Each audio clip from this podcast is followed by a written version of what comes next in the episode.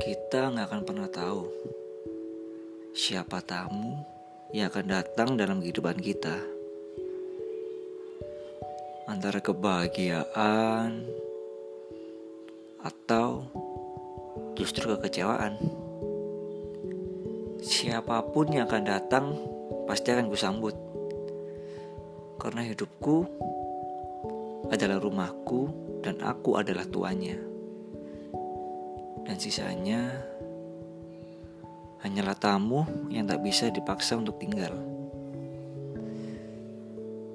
Tak bisa dipungkiri bahwa manusia pasti pernah dihantui oleh rasa kecewa. Begitupun diriku. Gak selamanya kita dipertemukan dengan orang-orang baik. Karena hati pun yang tak memiliki kaki terkadang bisa pergi jika tak dihargai. So, buat kalian yang cintanya sering bertepuk sebelah tangan, bukan saatnya lagi untuk terlalu berharap pada seseorang.